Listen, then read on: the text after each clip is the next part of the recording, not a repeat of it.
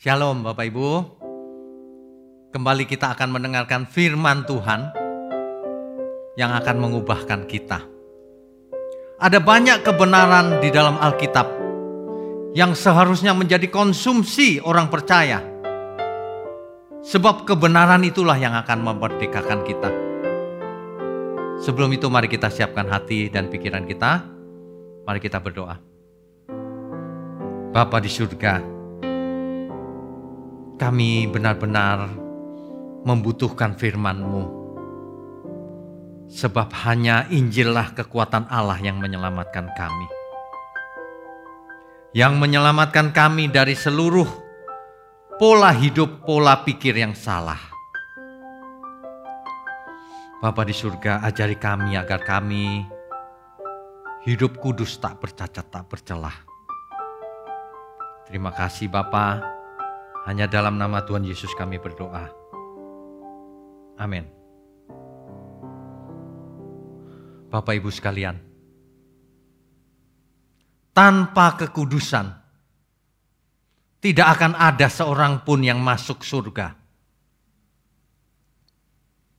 Tidak ada yang najis masuk ke surga, tidak ada. Itulah sebabnya sebenarnya hidup kita ini sedang memasuki proses penyucian diri. Jadi penyucian diri itu terjadinya bukan setelah mati. Setelah mati baru disucikan. Bukan. Penyucian diri itu sejak kita masih hidup sekarang. Proses panjang. Selama kita hidup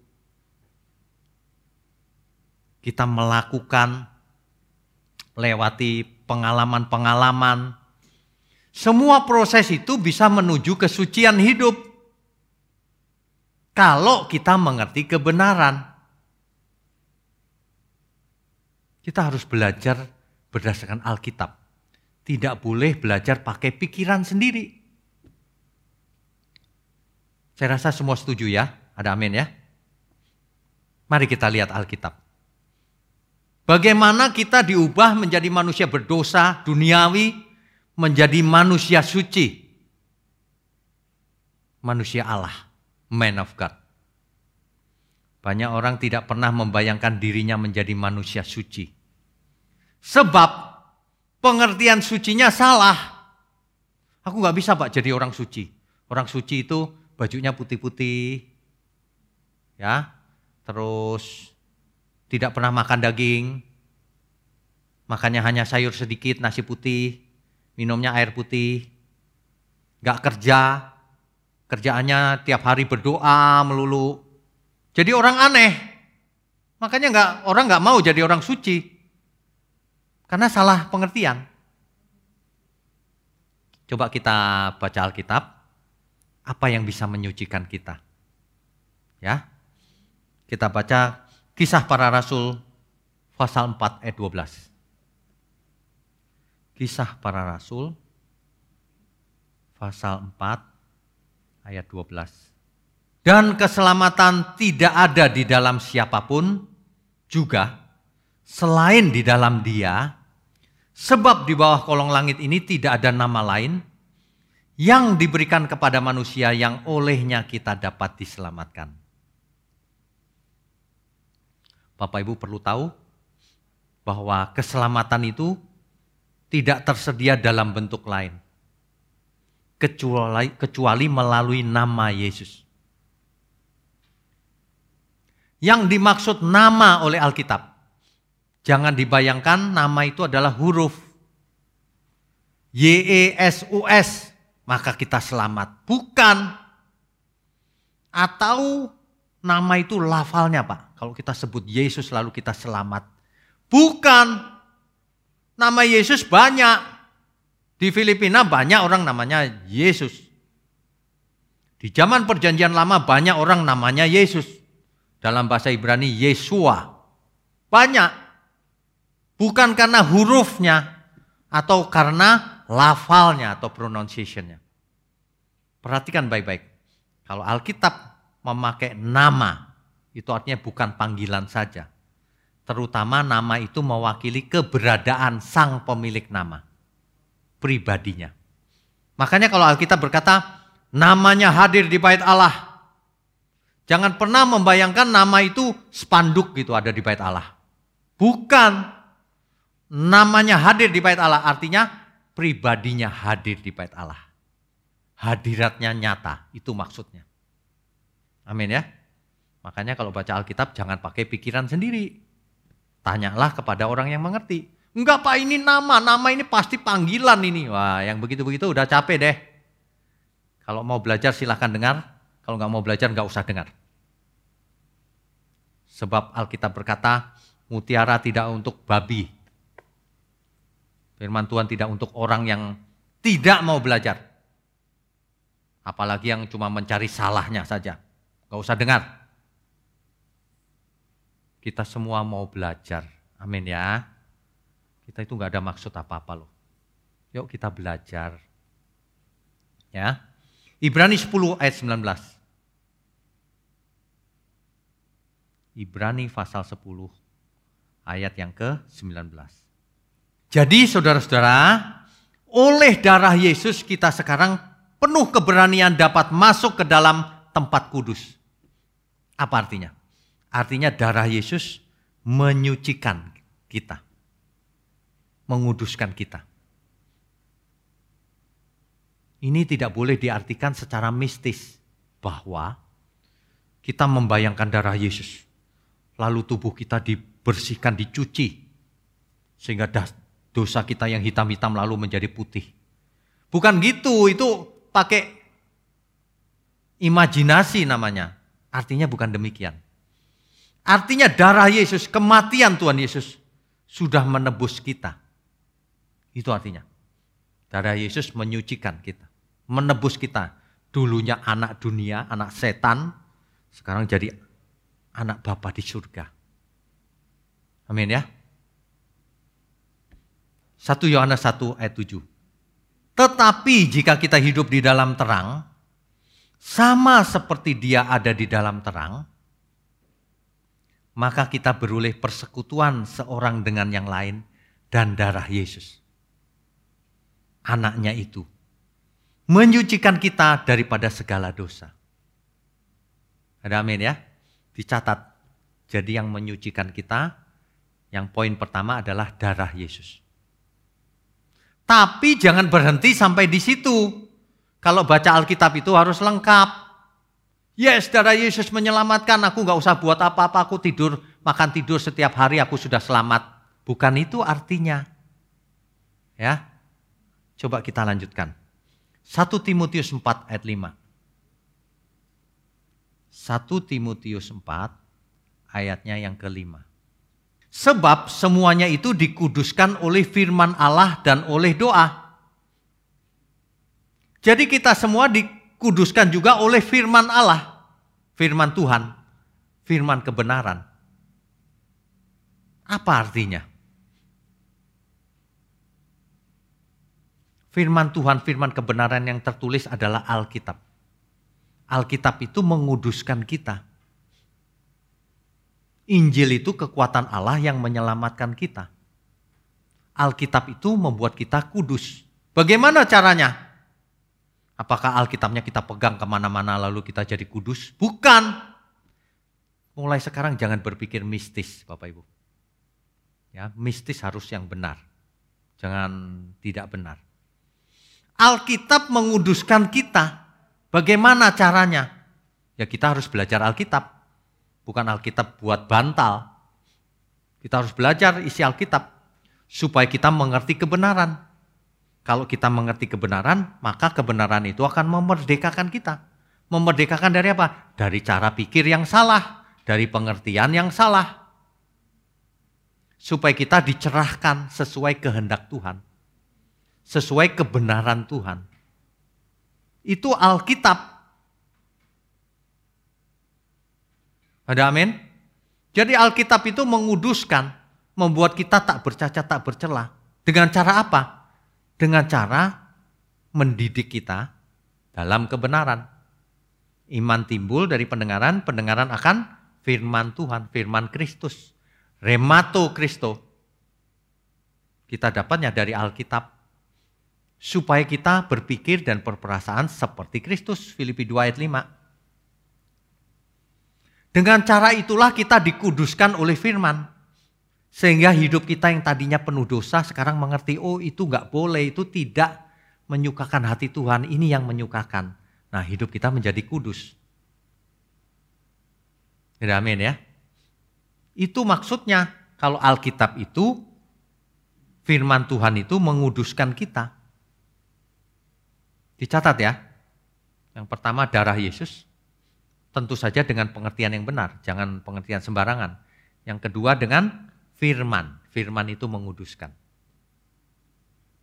Yohanes 17 ayat 17. Yohanes pasal 17 ayatnya yang ke-17. Kuduskanlah mereka dalam kebenaran. Firmanmu adalah kebenaran. Jadi begini, kuduskanlah mereka dalam firmanmu, sama aja. Jadi menguduskan seseorang itu pakai firman. Jadi Bapak Ibu sekalian, jika Bapak Ibu atau saudara sekalian memiliki saudara-saudara yang belum mengerti kebenaran atau masih hidup dalam dosa, beri firman yang benar. Forward firman-firman yang kita khotbahkan, usahakan dia mendengar supaya pikirannya dibersihkan, disucikan, dikuduskan dari cara pikir yang salah. Itulah sebabnya orang yang mulai mendengar firman kebenaran yang benar-benar begini, dengan berjalannya waktu ia makin mengerti dan hidupnya berubah. Pasti, sebab firman Tuhan itu berkuasa mengubah seseorang.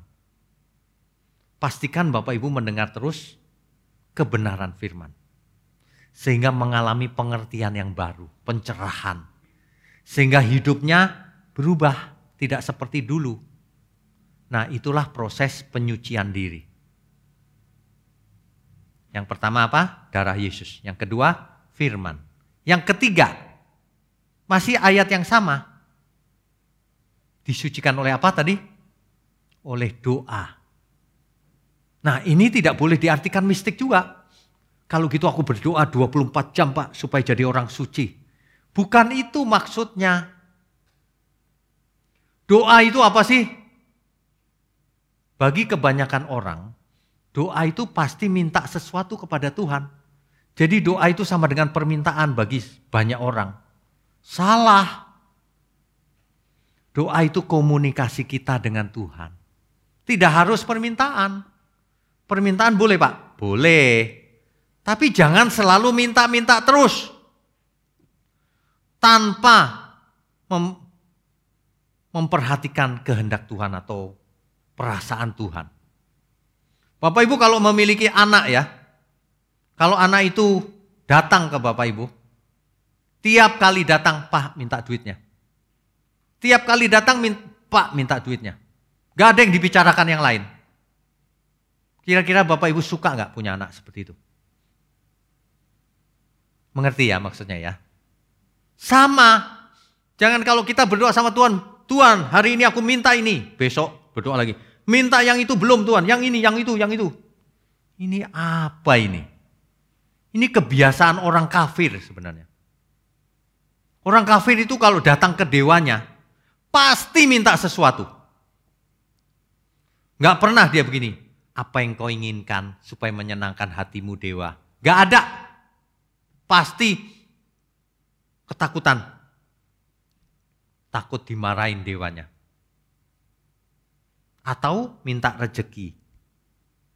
Selalu begitu. Kebiasaan kafir itu jangan dibawa ke dalam kekristenan. Kalau kita menghadap Tuhan, kita menghadap Bapa kita di surga, kita harus berlaku sebagai anak. Kan kita panggil dia bapak. Jadi kita harus sebagai anak.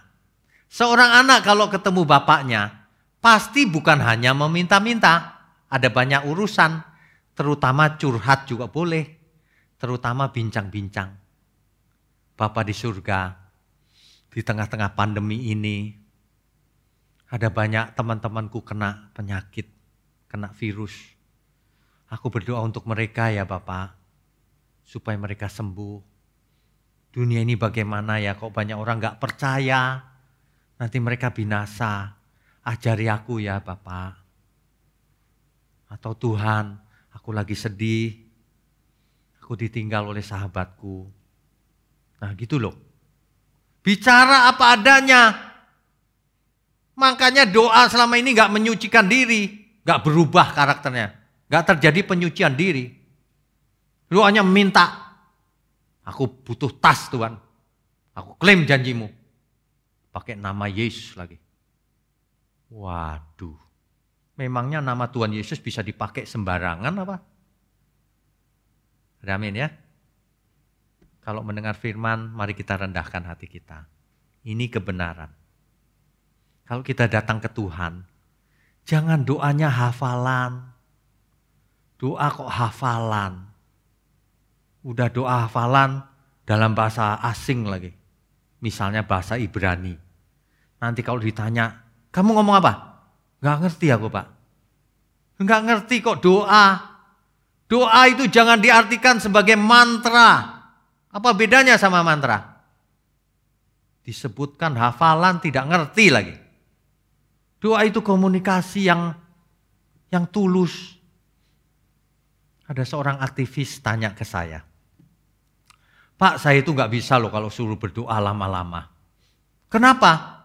Saya berpikir keras Pak. Mau ngomong apa sama Tuhan ya.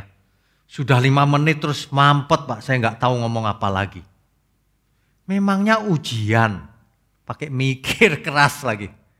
Makanya doa nggak bisa lama, karena tidak tulus, karena hafalan. Apalagi doa jangan baca ya, diketik dulu.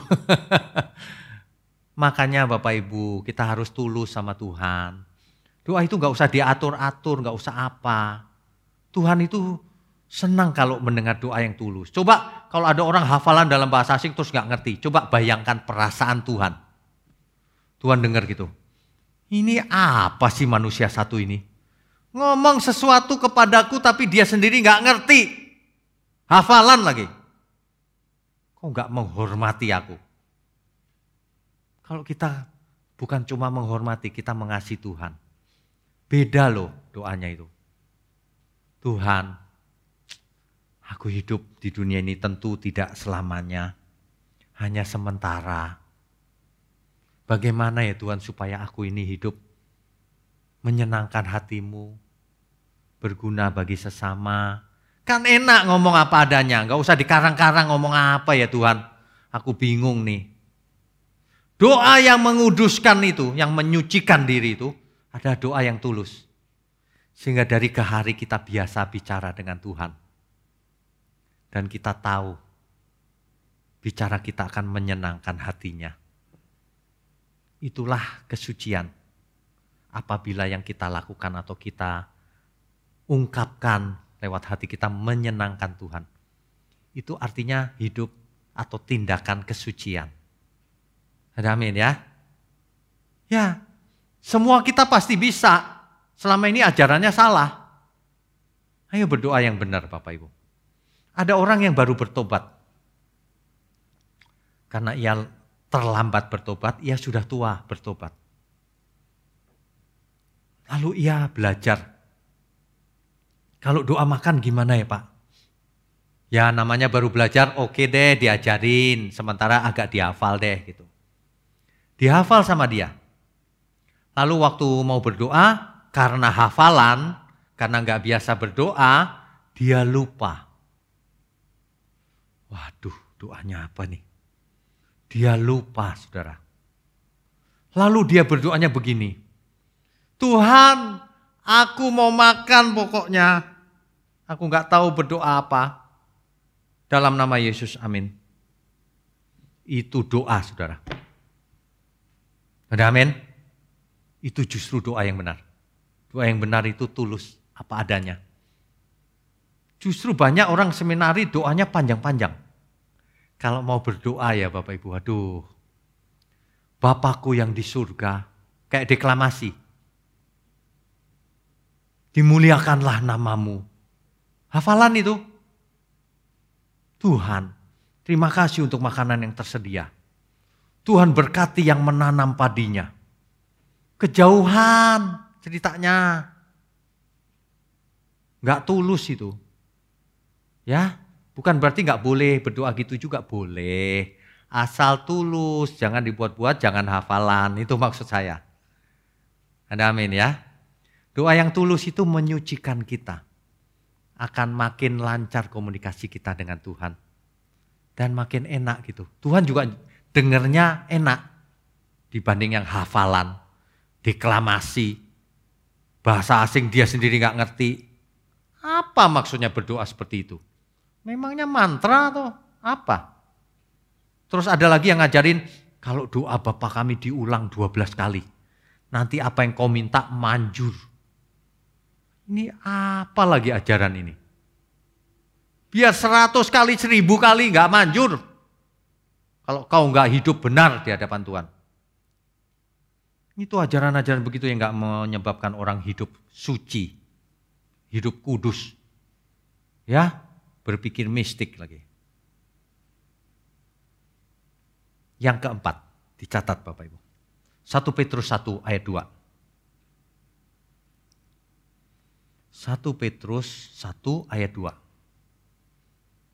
Yaitu orang-orang yang dipilih sesuai dengan rencana Allah. Bapak kita.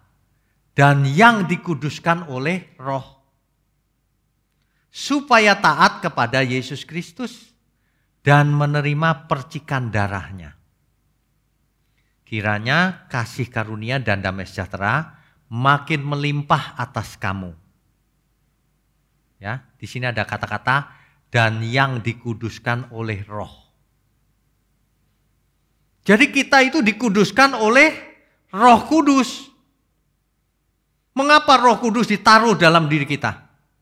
Mengapa dulu di perjanjian lama roh kudus dipanggil roh Allah. Tetapi di perjanjian baru disebut roh kudus, dipanggil roh kudus. Supaya kita benar-benar hidup kudus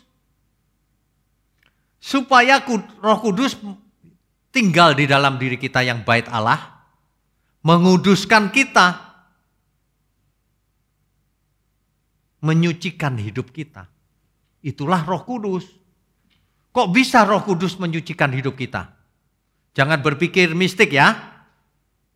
Ketika aku tidur, Pak, Roh Kudus menyucikan hidupku. Bukan.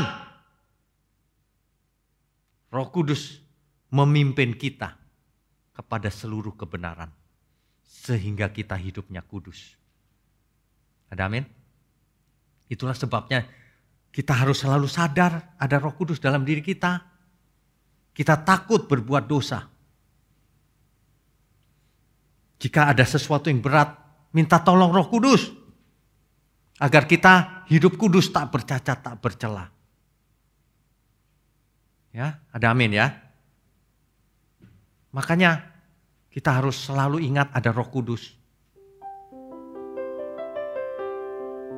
Roh Kudus tolong aku hidup tidak bercela sampai waktu menutup mata. Ku rindu seperti Yesus kesukaanmu Bapa hidup ini jadi berharga.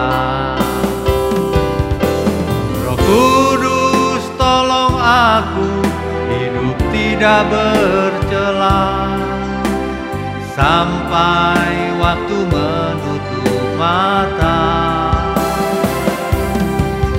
Ku rindu seperti Yesus kesukaanmu Bapa hidup ini jadi berharga. Hidup ini jadi berharga jika kita hidup kudus, tak bercacat, tak bercela. Tanpa Roh Kudus, seseorang tidak akan bisa hidup kudus. Kalau cuma perbuatan baik bisa, tapi kalau hidup kudus tidak bisa. Karena hidup kudus perlu pertolongan roh kudus. Perlu firman Tuhan. Perlu darah Yesus. Jadi kalau ada orang yang berusaha hidup kudus dengan usahanya sendiri, dia tidak bakalan hidup kudus. Dia hanya bisa jadi orang baik. Dia tidak bakalan bisa mencapai kesucian Allah, kekudusan Allah. Itu sebabnya Alkitab berkata, karena manusia telah kehilangan kemuliaan Allah. Bukan kehilangan, saudara. Dalam teks asli dipakai kata hustereo. Artinya lack of. Sangat kekurangan tapi tetap jadi manusia. Sehingga kekudusan manusia bisa dipulihkan, dimuliakan bersama Tuhan. Dengan cara apa? Manusia tidak bisa berusaha sendiri tentunya. Dengan cara apa? Kita sudah belajar tadi. Yang pertama, darah Tuhan Yesus, kematian Tuhan Yesus. Mengampuni setiap dosa kita. Tapi tidak berhenti di situ. Yang kedua apa? Oleh firman. Firman yang dimengerti, maka akan berdampak dahsyat dalam diri kita. Maka pola pikir akan berubah, kodrat kita akan berubah. Maka kita akan berpikir dan berperasaan seperti Tuhan Yesus. Itu oleh firman. Yang ketiga apa tadi? Oleh doa. Kalau kita berdoa, komunikasi dengan Tuhan, maka lama-lama hubungan kita akan semakin erat, semakin dekat dan kita akan mengerti kehendak Tuhan seperti apa. Kalau kita komunikasinya lancar. Sebab Tuhan itu tidak diam saja. Kalau kita berdoa Tuhan membalas doa kita. Meskipun kadang-kadang lebih sering tidak melalui audible. Setiap pagi Tuhan bicara, bisa. Saya sering kali kalau bangun pagi ada suara tapi bukan audible. Diberi pencerahan oleh Tuhan. Sering. Ya. Jadi kita semua harus bisa mendengar suara Tuhan. Meskipun tidak audible. Kadang-kadang bisa lewat teman kita. Bisa lewat Alkitab yang kita baca. Bisa lewat perenungan kita. Bisa. Bisa lewat mimpi kadang-kadang. Bisa. Tuhan bisa memberikan penglihatan lewat mimpi. Ya. Zaman sekarang banyak orang tidak percaya hal itu. Padahal Alkitab mencatat hal itu. Orang-orang ini aneh, ngaku Alkitab ya tapi tidak percaya Alkitab. Lebih percaya buku karangan si A. Lebih percaya pengakuan iman gereja A, gereja B. Alkitab malah gak percaya. Bicaranya sih percaya Alkitab, tapi Alkitabnya ditaruh di bawahnya itu hasil rapat sinode yang begitu-begitu. Gak menghormati Alkitab. Makanya tidak bisa hidup kudus. Kekudusan itu dari firman, dari doa, dari roh kudus. Poin yang terakhir Bapak Ibu, dicatat baik-baik ya. 1 Yohanes 3 ayat 1 sampai 3. 1 Yohanes pasalnya yang ketiga ayat 1 sampai 3. Saya bacakan ya. Lihatlah betapa besarnya kasih yang dikaruniakan Bapa kepada kita. Sehingga kita disebut anak-anak Allah. Dan memang kita adalah anak-anak Allah. Karena itu dunia tidak mengenal kita. Sebab dunia tidak mengenal dia. Anak-anak Allah ciri-cirinya berbeda dengan dunia ini. Ya, ayat 2. Saudara-saudaraku yang kekasih, sekarang kita adalah anak-anak Allah. Tetapi belum nyata apa keadaan kita kelak. Akan tetapi kita tahu bahwa apabila Kristus menyatakan dirinya, kita akan menjadi sama seperti dia. Sebab kita akan melihat dia dalam keadaannya yang sebenarnya. Ayat 3. Setiap orang yang menaruh pengharapan itu kepadanya, perhatikan baik-baik kalimat ini setiap orang yang menaruh pengharapan itu kepadanya, kepada Tuhan Yesus, orang itu menyucikan diri sama seperti dia yang adalah suci. Setiap orang yang menaruh pengharapannya kepada Tuhan Yesus yang suci, maka orang itu akan menyucikan dirinya sama seperti Tuhan Yesus. Jelas ya kalimat ini ya. Manusia pengharapannya ditaruh di mana? Manusia yang keinginannya banyak, ingin kaya, maka pengharapannya ditaruh di mamon. Maka ia akan mengejar mamon itu bukan mengejar kesucian. Orang yang pengharapannya adalah nafsu-nafsu yang tidak baik. Maka seluruh hidupnya ditaruh untuk mengejar memuaskan hawa nafsunya.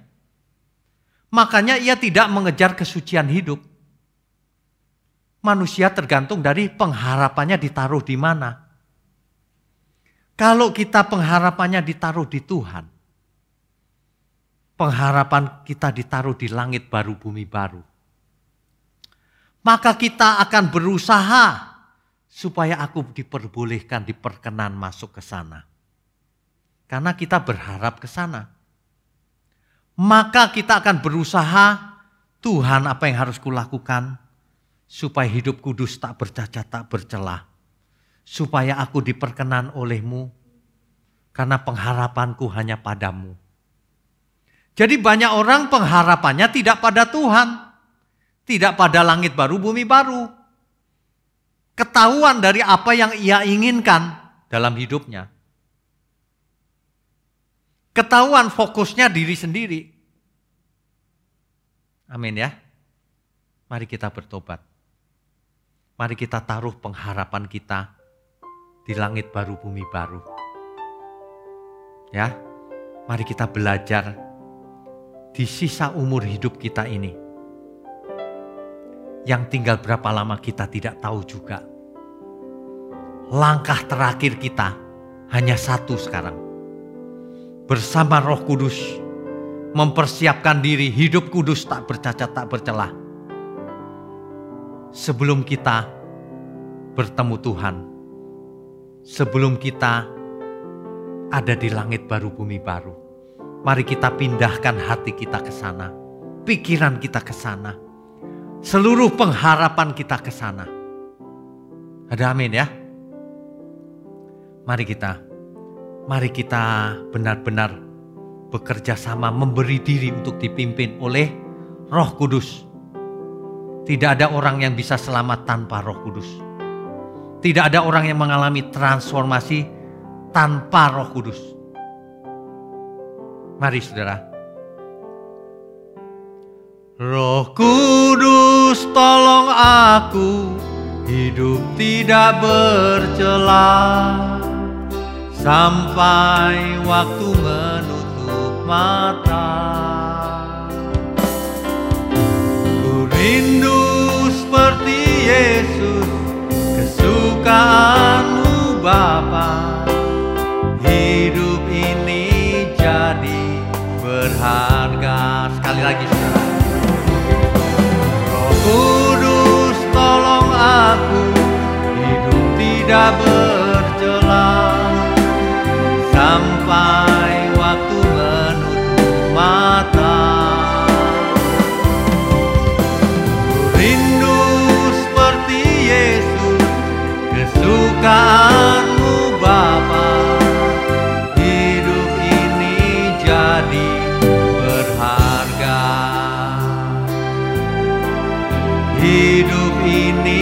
ini jadi berharga.